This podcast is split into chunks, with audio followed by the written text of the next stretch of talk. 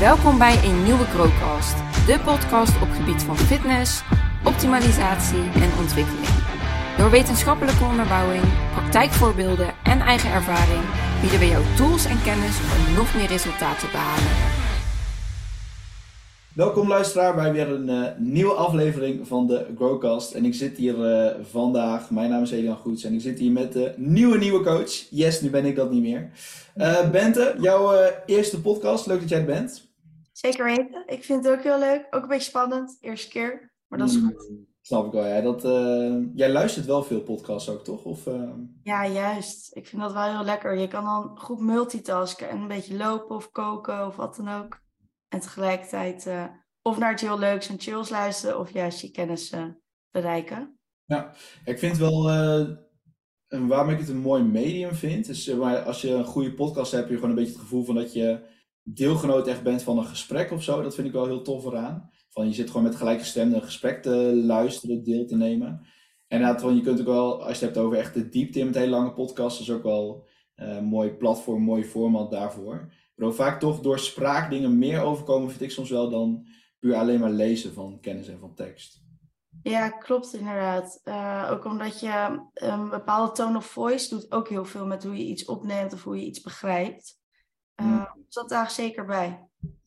Bente, zou jij, uh, ik heb dit al uh, een keer moeten doormaken toen mijn eerste podcast was. Zou jij zelf even aan de luisteraars en uh, Growcast volgers willen voorstellen, wat over jezelf vertellen? Zeker weten. Nou, Bente. Um, ik laat al die standaard dingen zoals hobby's en leeftijd en zo even achterwege. Sinds een aantal maanden ben ik lid van Team Grow. En daar ben ik echt ontzettend dankbaar en blij mee. Sowieso echt een familie waar ik binnenval. En um, ja, ontzettend mooi om met jullie samen te mogen werken. Heel veel mogen leren, maar ook uitdagingen. En samen een heel mooi groeiproces te behandelen. En zoveel mogelijk mensen helpen. En hoe ik eigenlijk mensen help en begeleid is echt met een holistische benadering. Dus ik sta uh, voor zowel fysiek als mentaal, maar ook emotioneel, energie en zingeving. Omdat ik wel geloof in synergy, dus alles werkt samen. En juist deze samenwerking uh, ja, um, te bevorderen en aan te moedigen, uh, zul je zien dat je in het geheel gewoon veel verder komt en vele grotere groei mee maakt. Ja. Um, ik doe dit ook niet zozeer alleen met gewoon coachcalls, gesprekken voeren, dat soort dingen. Maar we werken ook wel echt op een diepere laag. Um, omdat gewoon heel veel dingen onbewust eigenlijk plaatsvinden. 90% van wat je dagelijks doet is onbewust. Dus hoe mooi als je kijkt naar wat er onbewust allemaal in jou plaatsvindt. Zoals wel uh, foutieve overtuigingen, maar ook juist heel veel kwaliteiten die je gewoon nog niet benut. Um, en door dat bewust te maken en daar bekwaam in te worden, zal je zien dat je zoveel meer uit het leven kan halen en dingen je ook veel makkelijker afgaan. Dus mm. daar sta ik wel echt voor. Ja, cool. Ik hoor al uh, heel veel interessante dingen waar ik meer over wil weten wel. Uh, voordat we dat gaan doen, even kort nog, wat is jouw achtergrond qua opleidingen of ervaringen wat je hiervoor hebt gedaan? Um, nou, eigenlijk ben ik begonnen met echt iets heel anders, dat was marketing en communicatie. Ik ben wel veel gebracht, omdat ik daardoor echt veel meer begrijp van ook uh, zakelijke aspecten. Hoe communiceer je het beste?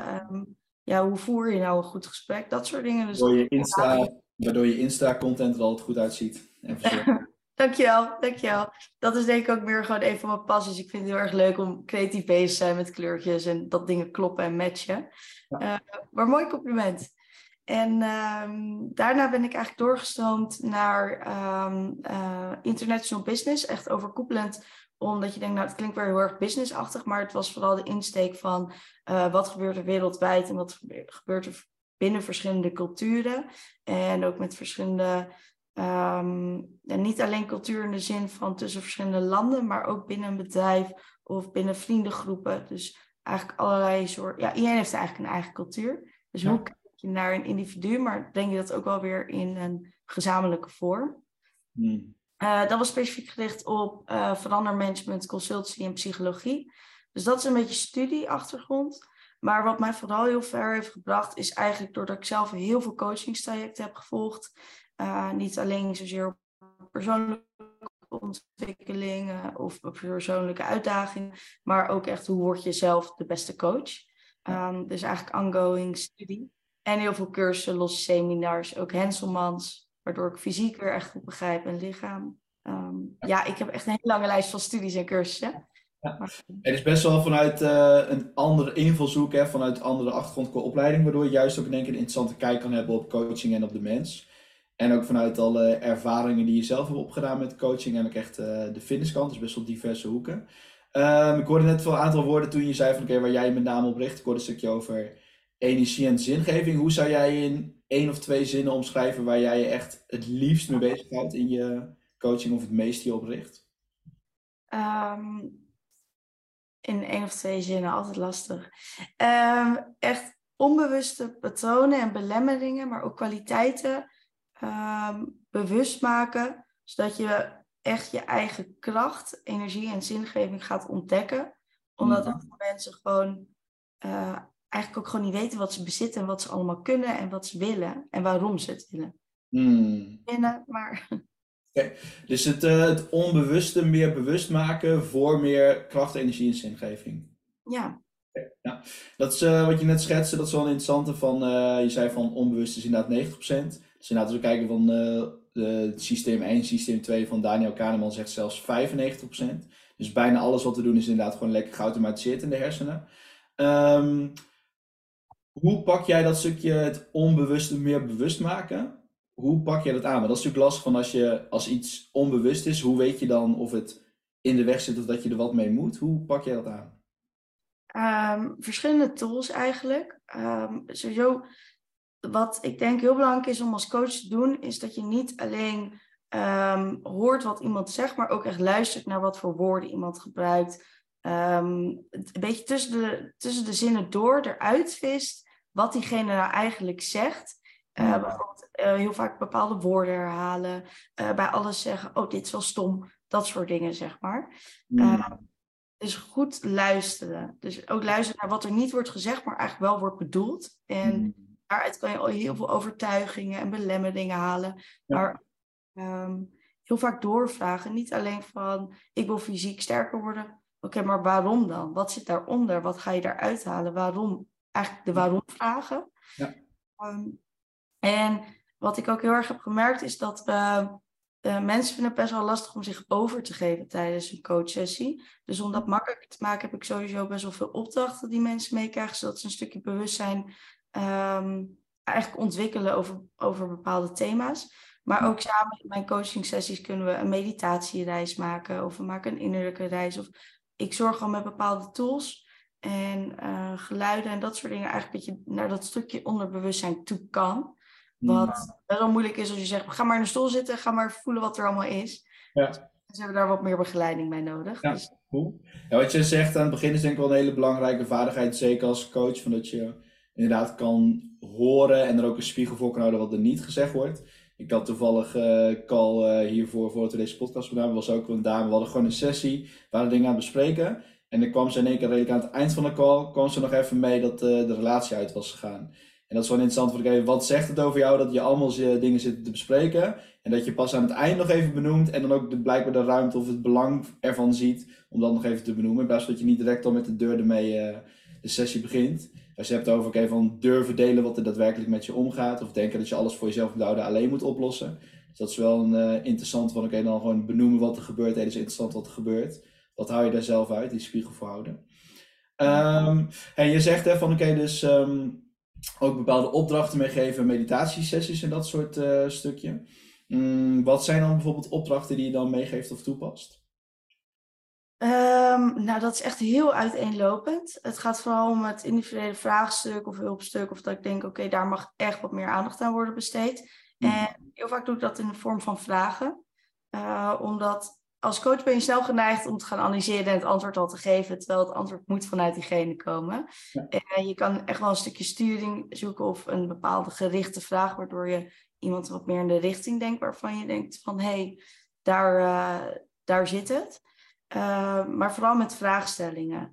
En dan heel vaak zie je dat ze die helemaal mooi uitwerken. Maar eigenlijk toch wel heel erg aan de oppervlakte blijven. Dus weer met die antwoorden stel ik weer nieuwe vragen. En zo zorg ik eigenlijk dat je steeds dieper erin zakt. Waardoor je eigenlijk tot het inzicht komt waar je zelf niet achter was gekomen. Omdat hmm. mensen vinden het spannend om die diepte in te gaan. Want ja, dat, daar, dat kan ook overweldigend zijn. Het kan een beetje spannend zijn. Maar daar ligt wel ook echt de kracht en de groei. En Ja. is magie. Ja. Eh, Dus, je, eh, dus je gebruikt veel, eh, veel vragen dan. Zijn dat dan gewoon de standaard vragen die je dan hebt liggen? Of maak je dan vragen na een sessie van hey, ik wil dat je met deze en deze vragen aan de slag gaat? Ja, ik ben wel echt heel erg in tune met mijn gevoel en intuïtie. Ik denk dat dat ook wel een van mijn krachten is bij mijn coaching. Dus ik voel echt aan wat heeft die ander nodig. En wat zijn goede vragen of stukken waar ze mee aan de slag mogen gaan. En dan maak ik dat echt op maat voor diegene. Ik heb niet een, een 100 vragenlijst. Dat ik denk, hey, die pik ik even uit. Want dan mis je echt op maatwerk en detailwerk en een stukje persoonlijke Ja. aandacht. En heb jij een, eh, een voorbeeld van, want je hebt het over zeg maar, van dingen meer aan de oppervlakte versus de laag eronder dieper. Het kan natuurlijk kan voorstellen voor luisteraars nog een beetje abstract of misschien laat hij wat zweverig klinken van oké, oppervlakte, laag eronder. Heb je daar ook een voorbeeld bij van wat zijn dan dingen wat je in gesprekken of in coaching sessies tegenkomt, wat aan de oppervlakte zit en wat er dan met doorvragen meer achterweg komt of onder blijkt te liggen? Eh, ja, zeker weten. Een mooi voorbeeld ook van een van mijn eh, coaches. Ehm, die zit heel erg in de do-modus. Altijd moet alles perfect en zo hard mogelijk werken. En alleen ehm, heeft ze hard gewerkt als ze daarna fitloos en energieloos is. Terwijl daar zit al een hele mooie mindset, eh, mindset shift eigenlijk in. Van oké, dus je moet futloos en moe zijn, wil je hard hebben gewerkt. Terwijl eigenlijk als jij hard werkt aan wat daadwerkelijk ertoe doet, dan moet het je energie opleveren. Ja. Ehm, dus daar zat wel iets moois in. Maar dat, toen we steeds dieper en dieper gingen graven, kwam dat eigenlijk voort uit een stukje verantwoordelijkheid richting haar, eh, ja, vooral haar eh, directe omgeving, maar ook eigenlijk door moeder. Ja. Ehm, omdat ze zo'n grote verantwoordelijkheid daarin voelt, moet ze altijd maar werken en doorgaan en doorpakken. En toen gingen we kijken, oké, maar wat zit er nog allemaal onder dat verantwoordelijkheid, wat jou daarin remt? Daar kwamen allemaal subonderwerpen uit. Zoals schaamte, angst, bezig moeten blijven, dat soort dingen. En dat ehm vormen uiteindelijk allemaal weer één geheel. Terwijl als zij meer afstand doet van, die verantwoordelijk, van haar verantwoordelijkheidsgevoel. En dat gebeurt echt niet overnight. Daarin werken we in stappen. Ehm, met bijvoorbeeld ja, ook emoties uitwerken, dat soort dingen. Ruimte daaraan geven, ermee gaan zitten. Nou, heel veel dingen wat we inzetten. Eh, merkte dat eigenlijk ook al die andere onbewuste patronen die haar heel erg remmen in haar, echt in haar kracht staan en haar volledige zijn zijn, eh, dat die ook wegvielen. Dus heel vaak heb je eigenlijk een soort van eh, triad, noem ik het. En daar Mhm. zit één emotie bovenaan, wat je, wat je denkt dat het is. Daaronder zitten zoveel lijntjes en dingen wat daarmee in verbinding staat. En als je ziet dat als je aan die kern gaat werken, dat daaronder het ook allemaal verdwijnt en je veel meer je potentie kan gaan leven. Hmm. Dus dat was wel een hele Ja. mooie. Mooi eh, voorbeeld. En hoe kom je dan in zo'n situatie dan met zo'n persoon eh, tot die kern en tot alle lagen die er dan onder zitten? Hoe maak je dat dan inzichtelijk? Heb je dan gewoon tijdens de sessies dan heel veel vragen gesteld of heb je dan haar dingen meegegeven? Of... Eh, sowieso door inderdaad vragen te stellen, te luisteren ook naar eh, voorbeelden die zij geeft. Dus ik denk in eerste instantie ook gewoon een luisterend oor bieden. Echt iemand niet alleen luisteren, maar ook echt ehm, eh, vragen stellen, doorgaan, met diegene verbinden, een veilige haven scheppen, zodat diegene meer durft te vertellen dan dat ze ooit heeft gedeeld. Omdat heel veel mensen communiceren ook gewoon niet. Hmm. Uh, dus dat is eigenlijk stap één. Dan inderdaad met vragen kom je tot de kern. Dan komt er bij mij allerlei al dingen binnen dat ik denk, oh, dit, dit, dit, koppel ik het allemaal aan elkaar. Dat uh, iemand die objectief met je meekijkt, die kan ook echt kijken naar alle losse elementen, hoe dat weer één geheel en verhaal vormt. Dus Ja. die meegeven. En vervolgens ook wel opdrachten, wat bij haar heel erg goed hielp was. Zij, omdat ze zo in de doen-modus zat en altijd maar doorpakte en geen ruimte überhaupt gaf aan die emoties, is het ook echt de kunst voor zo iemand van ga maar even voelen wat het doet. En dat kan heel ehm, makkelijk klinken of dat je denkt van eh, dat klinkt een beetje zweverig, maar ik geloof dat echt veel te weinig mensen echt even gaan zitten met hun emoties. Moet altijd zo snel mogelijk weer weg zijn. Mogen alleen maar positieve dingen voelen. Negativiteit mag er niet zijn. En ehm, we hebben daar zoveel overtuiging over. ehm, die eigenlijk alleen maar in de weg staan. Want als je dat maar weg blijft duwen, dan komt er uiteindelijk ook geen ruimte meer voor alle pieken en overwinningen. En Nee, zeker. Dat is net als eh, van, we zijn inderdaad gewoon als mensen letterlijk gemaakt om positieve en negatieve emoties te ervaren. En het een inderdaad van een stukje dualiteit van het een kan gewoon niet zonder het ander eh, bestaan. Dus eh, als je het hebt over van yin-yang, zo, dat is zweverig, maar het is gewoon dualiteit van het leven. Van we kunnen pijnvrij zijn doordat we pijn kunnen hebben. We kunnen ons energiek voelen doordat we vermoeidheid hebben. Als we inderdaad het ene afstompen, stompen we ook het andere af. En wat jij ook al zegt, van als je inderdaad al die emoties, je die alleen maar wegdrukt, is dat al net als een bal uh, die je onder water probeert te drukken, komt hij daarna twee keer zo hard tegen je kaak aan naar boven. Dus um, een stukje doorvoelen. En ik denk dat ook wel daar een culturele component bij zit. Van dat we heel erg in de samenleving natuurlijk uh, cultuur het ideaal hebben van je moet gelukkig zijn en je moet altijd zoveel mogelijk gelukkig zijn. Uh, en als we dat inderdaad als uitgangspunt nemen, ja, dan doe je het nooit goed, want je bent nooit altijd gelukkig. Um, daarin, ik moet zeggen, als ik kijk naar eigen reis rondom persoonlijke ontwikkeling, dat ook wel heel veel in de hoek van persoonlijke ontwikkeling gaat vaak wel ook over werken aan levensgeluk en uh, gelukkig leven bouwen. Mm, en ik had daar zelf ook eens heel erg van. Ik, dat ik zelf ook die kant op ging. En dat je dan daar tot de conclusie komt van oké, ik kan niet altijd gelukkig zijn. Dat geluk is niet het hoogste goed. En, uh, en wat is er dan wel? Ik denk dat inderdaad die focus op levensgeluk juist wel inderdaad ook heel op het positieve emoties inderdaad heel averechts kan werken. Dat uh, voelen van het negatieve, hoe pak je dat dan aan? Zeg je van oké, okay, ga maar gewoon letterlijk uh, erover schrijven, mediteren, gewoon letterlijk 10 minuten op de bank zitten met die emotie? Of hoe vul jij dat dan in, voor jezelf of voor anderen?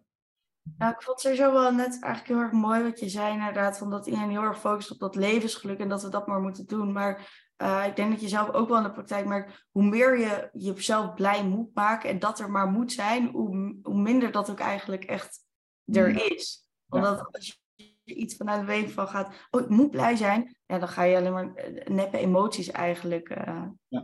die er niet zijn. Um, verschillende dingen eigenlijk. Dus dat is ook wel weer heel individualistisch. En uh, heel veel mensen vinden het dus spannend, zoals ik net al zei, om überhaupt met die emoties te zijn. Dus dat kunnen we ook. Wat ik vaak doe, is daar je ook eerst bekwaam in laten worden doordat we het samen gaan doen. Um, dus um, wat we dan doen is eigenlijk, ik ga jou begeleiden naar dat stuk. Dat is maar net wat bij jou dat stuk is. Bij sommigen is het meer weer te gaan naar je innerlijk kind. Bij anderen is het weer kijk, focus op wat je nu bent, waar je nu staat. Dus dat, dat is heel erg verdeeld wat iemand daar nodig heeft. Maar we gaan eerst samen terug naar die emoties toe. En dan ben ik bij je. Dus ik schep een soort van veilige omgeving. Ik laat je ook echt voelen hoe het voelt, hoe je daar naartoe gaat. Zodat als je straks alleen bent en het alleen doet, dan weet je ook hoe het moet. Dan weet je ook dat het niet zo spannend is. En dan weet je ook precies wat je jezelf kan geven daarvoor. Uh, dus we doen het vooral samen. En, is het dan een soort uh, beetje een begeleide, moet ik dan een beetje begeleide meditatie of begeleide bodyscan-achtige? Van dat je gewoon samen gaat zitten en gewoon van oké, naartoe gaan naar wat je nu voelt en in het moment blijven? Ja, bodyscan zet ik vaak in, omdat heel vaak dragen vrouwen vooral alle emoties in hun buik. Dus je merkt vaak als ze opgeblazen buik hebben, niet naar het toilet gaan, um, bij, als ze wat eten, dat het meteen niet goed valt, dat soort dingen. En dan merk je al van, ah, die darmflora zit niet goed. En dat kan inderdaad komen door voeding en zuivel en sport of vermoeidheid, dat soort dingen, menstruatie. Maar uh, veel vaker is het ook gewoon dat uh, je brein of je uh, darmen, je buik is eigenlijk gewoon je tweede brein. Mm -hmm. dus alles wat hier afspeelt en niet verwerkt wordt, dat gaat automatisch op andere lichaamsdelen slaan. Uh, dus dat is voor mij inderdaad echt al een teken om een bodyscan te doen. Echt te kijken waar zit wat, wat komt daar in je op. Mensen voelen zelf het beste wat echt naar boven komt en ik begeleid je daarin. Bodyscan is dus iets, maar ook een meditatieve vorm. ook door vragen te stellen. omdat veel, veel zeggen, ja, ik weet het niet. Ik weet het niet. Ja, je weet het wel, alleen je durft er nog niet naartoe. Dus doordat ik gewoon door blijf vragen. En het is niet altijd makkelijk. Maar uh, door daar doorheen te bewegen, ga je merken van, oh, het is helemaal niet zo spannend. Het is veel spannender in mijn hoofd. Ja. Dus ik begeleid je daar naartoe en dat hangt ja. er echt toe.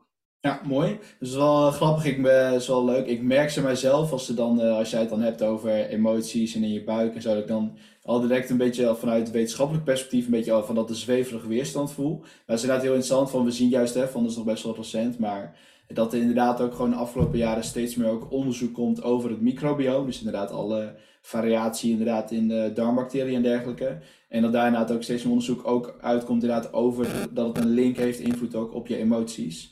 Dus dat zeker wel, uh, ik bedacht, ik betrapte me eerst over dat een beetje die weerstand. Toen dacht ik, oh, maar het is inderdaad, er komt ook steeds meer in die hoek wel uit. Uh, dus dat is wel interessant ook. Uh, merk je ook dat, want het is natuurlijk best wel, hè, want het gaat misschien een beetje naar gewoon voelen, mediteren, je er naartoe begeleiden gaat natuurlijk ook wat naar de zweverige kant ook, misschien enigszins, dus je kan het voor mensen voelen.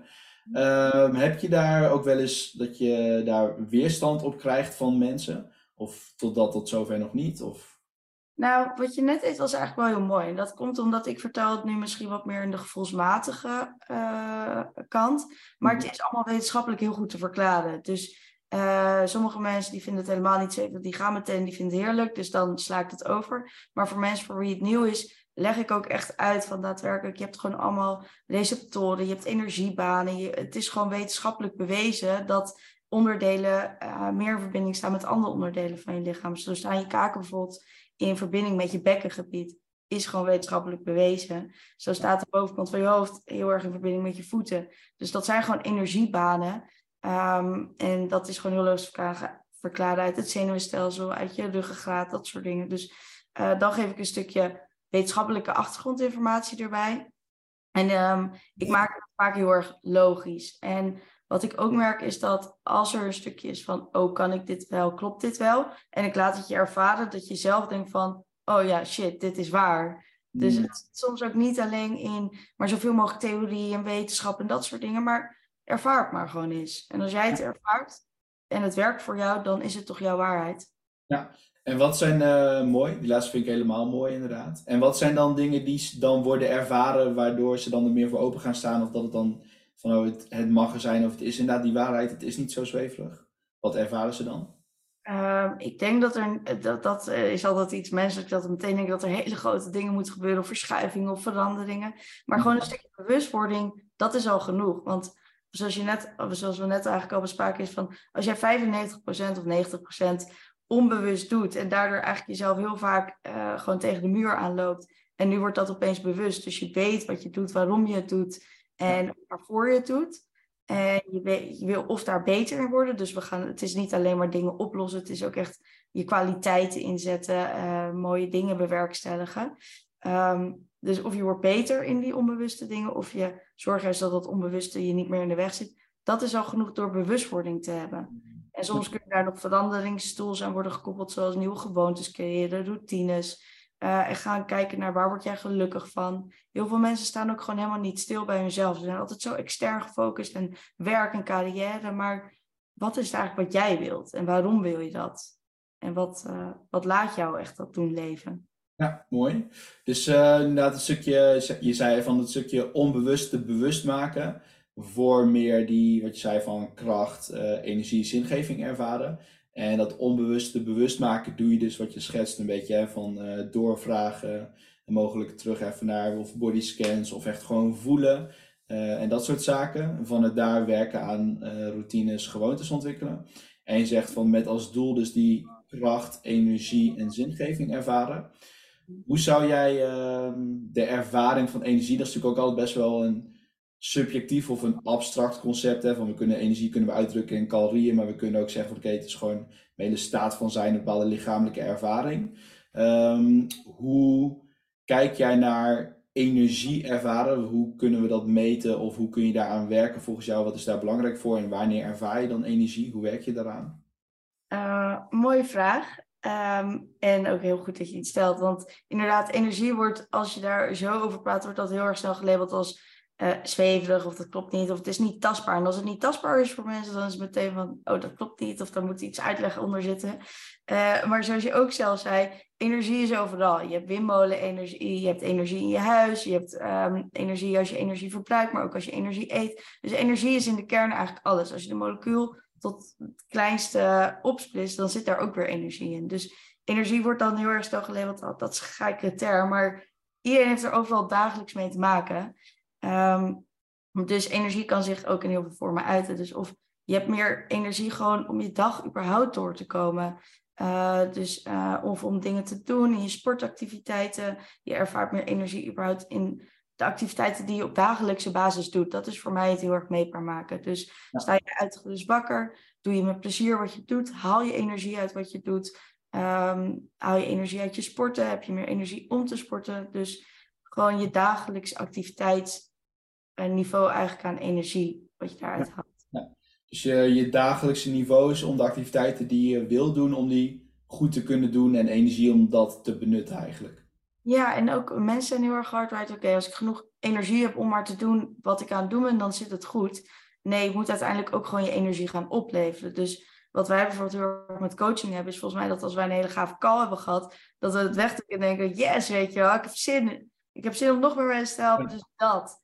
En niet uit dat je denkt, oh, nou, dat ging goed. Nou, nu kan ik ook nog eten en uh, nog sporten vanavond. Dat zijn twee hele verschillende soorten vormen. Dus je wil niet alleen de, de energie hebben om te doen wat je dagelijks moet doen, maar ook dat je daar weer energie uithaalt om nog wat verder te gaan, nog meer te groeien, nog grotere doelen te bereiken. Dus uh, steeds meer en meer. Mhm. Ja. ja, vind ik ook een mooie. Dus inderdaad, hè, van niet alleen maar energie hebben om het uit te voeren, maar dat ook weer energie geeft voor weer nog meer. Dus ook het gevoel van, oké, ik had nog meer kunnen of willen doen. Uh, wat zijn, als je kijkt naar dus om die energie te hebben en te ervaren in het leven, wat zijn voor jou de paar belangrijkste dingen om aan energie te werken volgens jou? Of waar zit veel winst in? Uh, allereerst beginnen we altijd met sport. Um, want um, het is zo belangrijk. Je lichaam is gewoon waarmee je het gaat doen.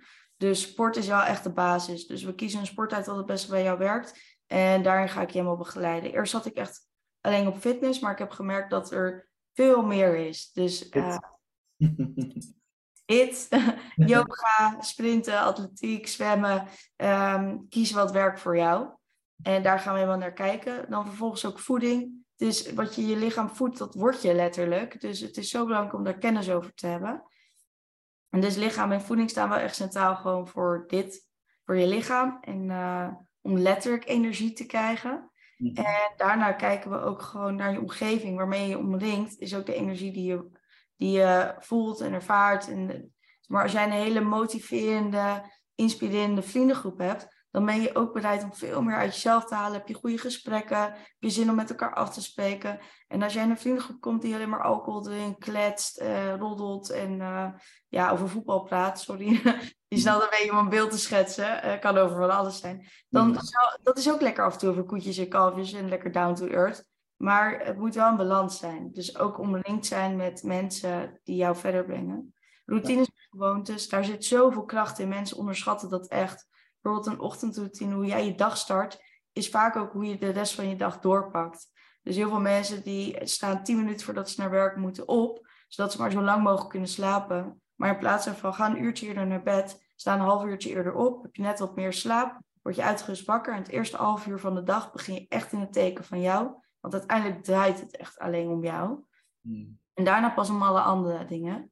Uh, dus als je lekker in alle rust de dag begint voor jou, dan heb je al meteen een productief gevoel. Je gaat veel beter je dag in. Je geeft echt daadwerkelijk energie aan jezelf door bezig te zijn met jezelf. Hmm, dat vind ik ook mooi, ja. Je geeft energie aan jezelf door bezig te zijn met jezelf. Ja, kan ik me ook zeker voorstellen. Dus je zegt de basis is gewoon voeden en bewegen en trainen. En daarna zeg je dus van de omgeving is een uh, hele belangrijke. En gewoon naast die omgeving ook de tijd, routines, gewoontes die je voor jezelf allemaal doet en vormt. Ja, zeker. Dat heb je mooi samengevat. En als je dan, dat is wel interessant hè, van inderdaad zo'n sociale omgeving, ik denk dat dat voor, voor veel mensen ook een uitdaging wel is. Um, als je inderdaad zo'n sociale omgeving hebt die niet je energie ondersteunt of die energie kost of in de weg zit of niet motiveert, inspireert, hoe uh, zou iemand daar volgens jou dan mee om kunnen gaan of moeten gaan? Uh, mooie vraag, want ik zie dat heel veel voorkomen. Eigenlijk dat mensen zich op een pad van persoonlijke ontwikkeling gaan bevinden en daarin gaan groeien. En de omgeving hoort eigenlijk nog bij ook jouw oude zijn. Dus uh, die is daar nog niet misschien direct mee bezig. Dus dan merk je heel veel wrijving. Mensen voelen zich alleen. Uh, ze kunnen niet meer zo goed communiceren. Maar net zoals dat het jouw tijd heeft gekost om dat pad te gaan bewandelen, heeft die omgeving misschien ook wat meer tijd nodig. Dus ten eerste gun dat ook een beetje tijd om gewoon uh, mee te groeien met jou.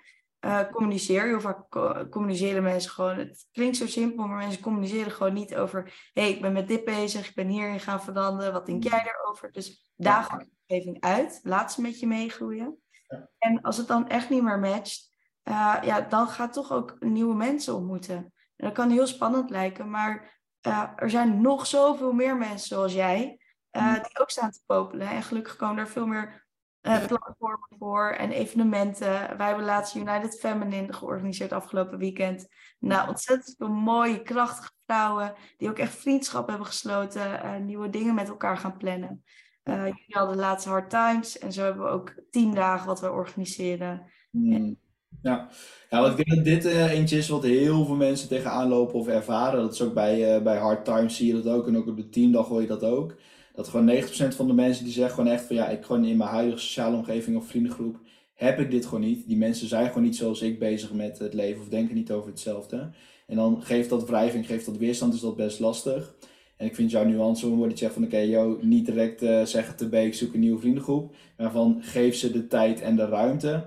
Um, en oké, als het na, na tijd en ruimte nog steeds wrijving geeft, niet goed voelt, ja, ga dan wel ook op zoek naar andere nieuwe gelijkgestemden. Dat een waardevolle mooie nuance is. En nog één uh, laatste onderwerpje die ik nog met jou wil uh, aansnijden. Ja. Is jij het stukje onbewuste bewust maken. Daar hebben we het over gehad hoe je dat doet. Voor het stukje energie. We hebben het stukje energie besproken. En je zei ook heel duidelijk en expliciet het stuk zingeving. Um, kun je mij het vertellen over de ervaring van zingeving? Wat is dat en hoe kun je daar naartoe werken of daaraan werken? Hoe doe jij dat? Ja, mooie vraag. Ook altijd lastig om zo concreet uit te leggen. Um, zingeving is, uh, begint denk ik bij eerst uh, weten wat überhaupt zingeving voor jou is. Ik werk heel vaak met concepten, dus ga maar concepten uitwerken. Want wat voor jou zingeving is, kan voor mij heel anders zijn. Uh, wat voor mij waardevol is, kan voor jou weer heel anders zijn. En zo zijn we eigenlijk, uh, we worden op, in ons onderwijssysteem worden we eigenlijk bepaalde concepten opgelegd van, ja, je maakt pas echt carrière als je veel geld verdient en hoog aan de ladder staat. Terwijl carrière maken voor mij kan iets heel anders zijn. Voor mij kan het zijn een, uh, een worden. En voor jou kan het weer zijn om een boerderij te runnen. Nou, noem maar op. Dus ga eerst concepten voor jezelf uitwerken. Ga na van um, wat houden bepaalde termen voor mij in. En dan vervolgens, als we dat hebben uitgewerkt, gaan we kijken, oké, hoe kunnen we dat voor jou gaan laten vervullen? Um, dus kijken naar van, wat is, um, wat is een carrière maken voor jou? Of wat is um, uh, bijvoorbeeld iemand wil heel graag ook mensen gaan coachen, andere mensen helpen. Oké, wanneer help jij andere mensen? En hoe doe je dat dan? En zo gaan we dat steeds verder uitwerken. Dus waardoor je echt concreet hebt van oké, dit is mijn visie. En dan gaan we kijken hoe kunnen we die visie waar gaan maken. Hoe onderscheid je jou daarin? En dat doen we bijvoorbeeld ook door mindmaps, dus echt schrijfopdrachten.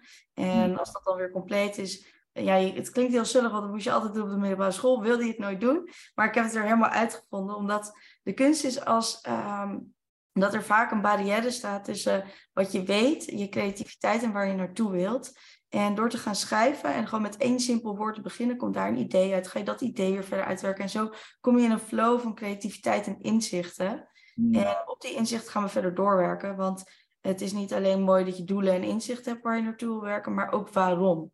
We hebben daar een workshop samen over gegeven. En het is zo belangrijk om te weten waarom je iets doet. Want dat zorgt dat, uh, dat het onderdeel wordt van je dagelijkse zijn. En dat je dat gaat integreren in alle uh, aspecten van je leven. En dat je daar veel meer voor gaat staan. Ja. Ik denk dat jij een mooie aanvulling er ook op hebt. Waarom, en, waarom zo belangrijk is. Hmm, ja, dat uh, eerst wat jij dus inderdaad schetst, hè, van, zegt van een stukje zingeving, dat het dus van individueel bepalen. Van oké, okay, wat is dan voor mij zingeving, wat is voor mij inderdaad een, uh, dat goede leven. En daar dus inderdaad over gaan schrijven, naartoe werken, mindmappen, vision board, uh, om dat inderdaad te gaan schetsen. Uh, dus, en dan zeg ik, dat is ook van, als je het hebt over zingeving. Ik heb een hele wetenschappelijke definitie van het gaat over significantie en betekenis ervaren. En dat stukje ervaren van richting gaat over dat je ervaring hebt dat je een bepaalde kant op gaat, maar dat het de juiste kant ook is. En dat is inderdaad dus oké, okay, hoe weet jij of je de juiste kant op gaat als je niet na hebt gedacht over die, eh, je richting en welke kant je op gaat. En als jij een, um, een vliegtuig hebt die, uh, die zonder richting vliegt, dan kom je nergens aan, of in ieder geval niet op de gewenste bestemming. En als jij uh, metaforisch altijd zegt van nou, als je aan het zwemmen bent en je hebt geen richting, dan, zuip je, dan ga je rondjes zwemmen tot je verzuipt. Uh, dus we hebben gewoon richting inderdaad nodig in het leven. Om gewoon inderdaad te weten van oké, doe ik de juiste dingen en ben ik inderdaad wat jij ook zegt, als over samenleving, niet altijd maar doen wat normen mee opleggen of wat andere mensen doen. Dat is natuurlijk als je het hebt over verdoven en dan komt het weer, pakt weer een beetje terug op het onderwerp bewustwording. Als ik zomaar wat doe, uh, is de kans uh, redelijk groot dat ik niet echt doe waar ik echt blijf tevreden mee ben aan het eind van de rit. En dat dat een belangrijk is om vast te stellen. Dus wel mooi wat je zegt van hoe eigenlijk die onderwerpen ook echt samenkomen van het onbewuste bewust maken. Wat ook weer oplijnt met die zingeving ervaren. Hoe meer jij bewust nadenkt over wat je zelf wil en je leven en je eigen patronen, hoe meer zingeving je ook kunt gaan ervaren. Uh, ik denk dat dat ook wel mooi met elkaar uh, opleidt. Zeker weten, ja. En je gaat ook merken wanneer je jezelf eindelijk gewoon een keer op het middelpunt zet en gaat ontdekken van wat is het eigenlijk voor mij in plaats van hoe ik ben opgevoed, wat de maatschappij, mijn studie en dat soort dingen. Dat je dan ook al denkt van, oh wauw, weet je wel, ik leer mezelf echt kennen en daardoor ga je al veel meer doen wat bij jou past. En als je gaat bij je past voor, voor meer energie en zo komen al die dingen weer samen. Wat ik aan ook zei van synergy. Mm, ja, mooi. Ja, dat onderstreept zeker ook het belang inderdaad van een stukje zelfkennis. Van gewoon wie ben je zelf, wat wil je zelf. Ik denk dat heel weinig mensen daarmee bezig zijn. En het heel waardevol is en heel essentieel om dat wel te doen. Als je wil kunnen zeggen uiteindelijk dat je wel een, eh, een goed leven hebt gehad en uh, gedaan hebt. Over na hebt gedacht waarom je de dingen hebt gedaan die je wilde doen. Tof. ben, ik vond het uh, tof om een inzicht te krijgen oprecht. Want ik eigenlijk dit hele beeld van, ik wist wel van dat jij een beetje aan de wat meer spirituele zingevingachtige kant, wat soms wat zweverig kan overkomen, zat. Maar ik vind het tof om te horen hoe jij dat allemaal een beetje loopt en aanpakt. En voor de luisteraar leuk om een beetje een kijkje in de keuken bij jou te kijken van waar jij op focust en hoe je dat aanpakt. Ik denk dat ook hele waardevolle inzitten die mensen ook al zelf kunnen gaan toepassen. Van de, zichzelf de waarom vraag stellen, dingen op papier zetten, reflecteren, uh, naar het gevoel gaan, nadenken over wat je wil. Dus um, heel tof. Dankjewel uh, voor het delen. Heb je de eerste podcast een beetje overleefd? Zeker weten. Dankjewel. Ik vond het heel leuk. Het ging ook eigenlijk heel gemakkelijk. En uh, ik vond het mooi hoe je deed. Alle vragen die je stelde. En ik vond het heel erg leuk om wat meer over mezelf te delen. En uh, mooie vragen, dus daarvoor wil ik je heel erg bedanken. Jij uh, bedankt voor het delen. Luisteraar, bedankt voor weer het luisteren. Hopelijk heb je er wat waardevols uit kunnen halen. En graag tot de volgende keer. Zeker weten. Mm -hmm.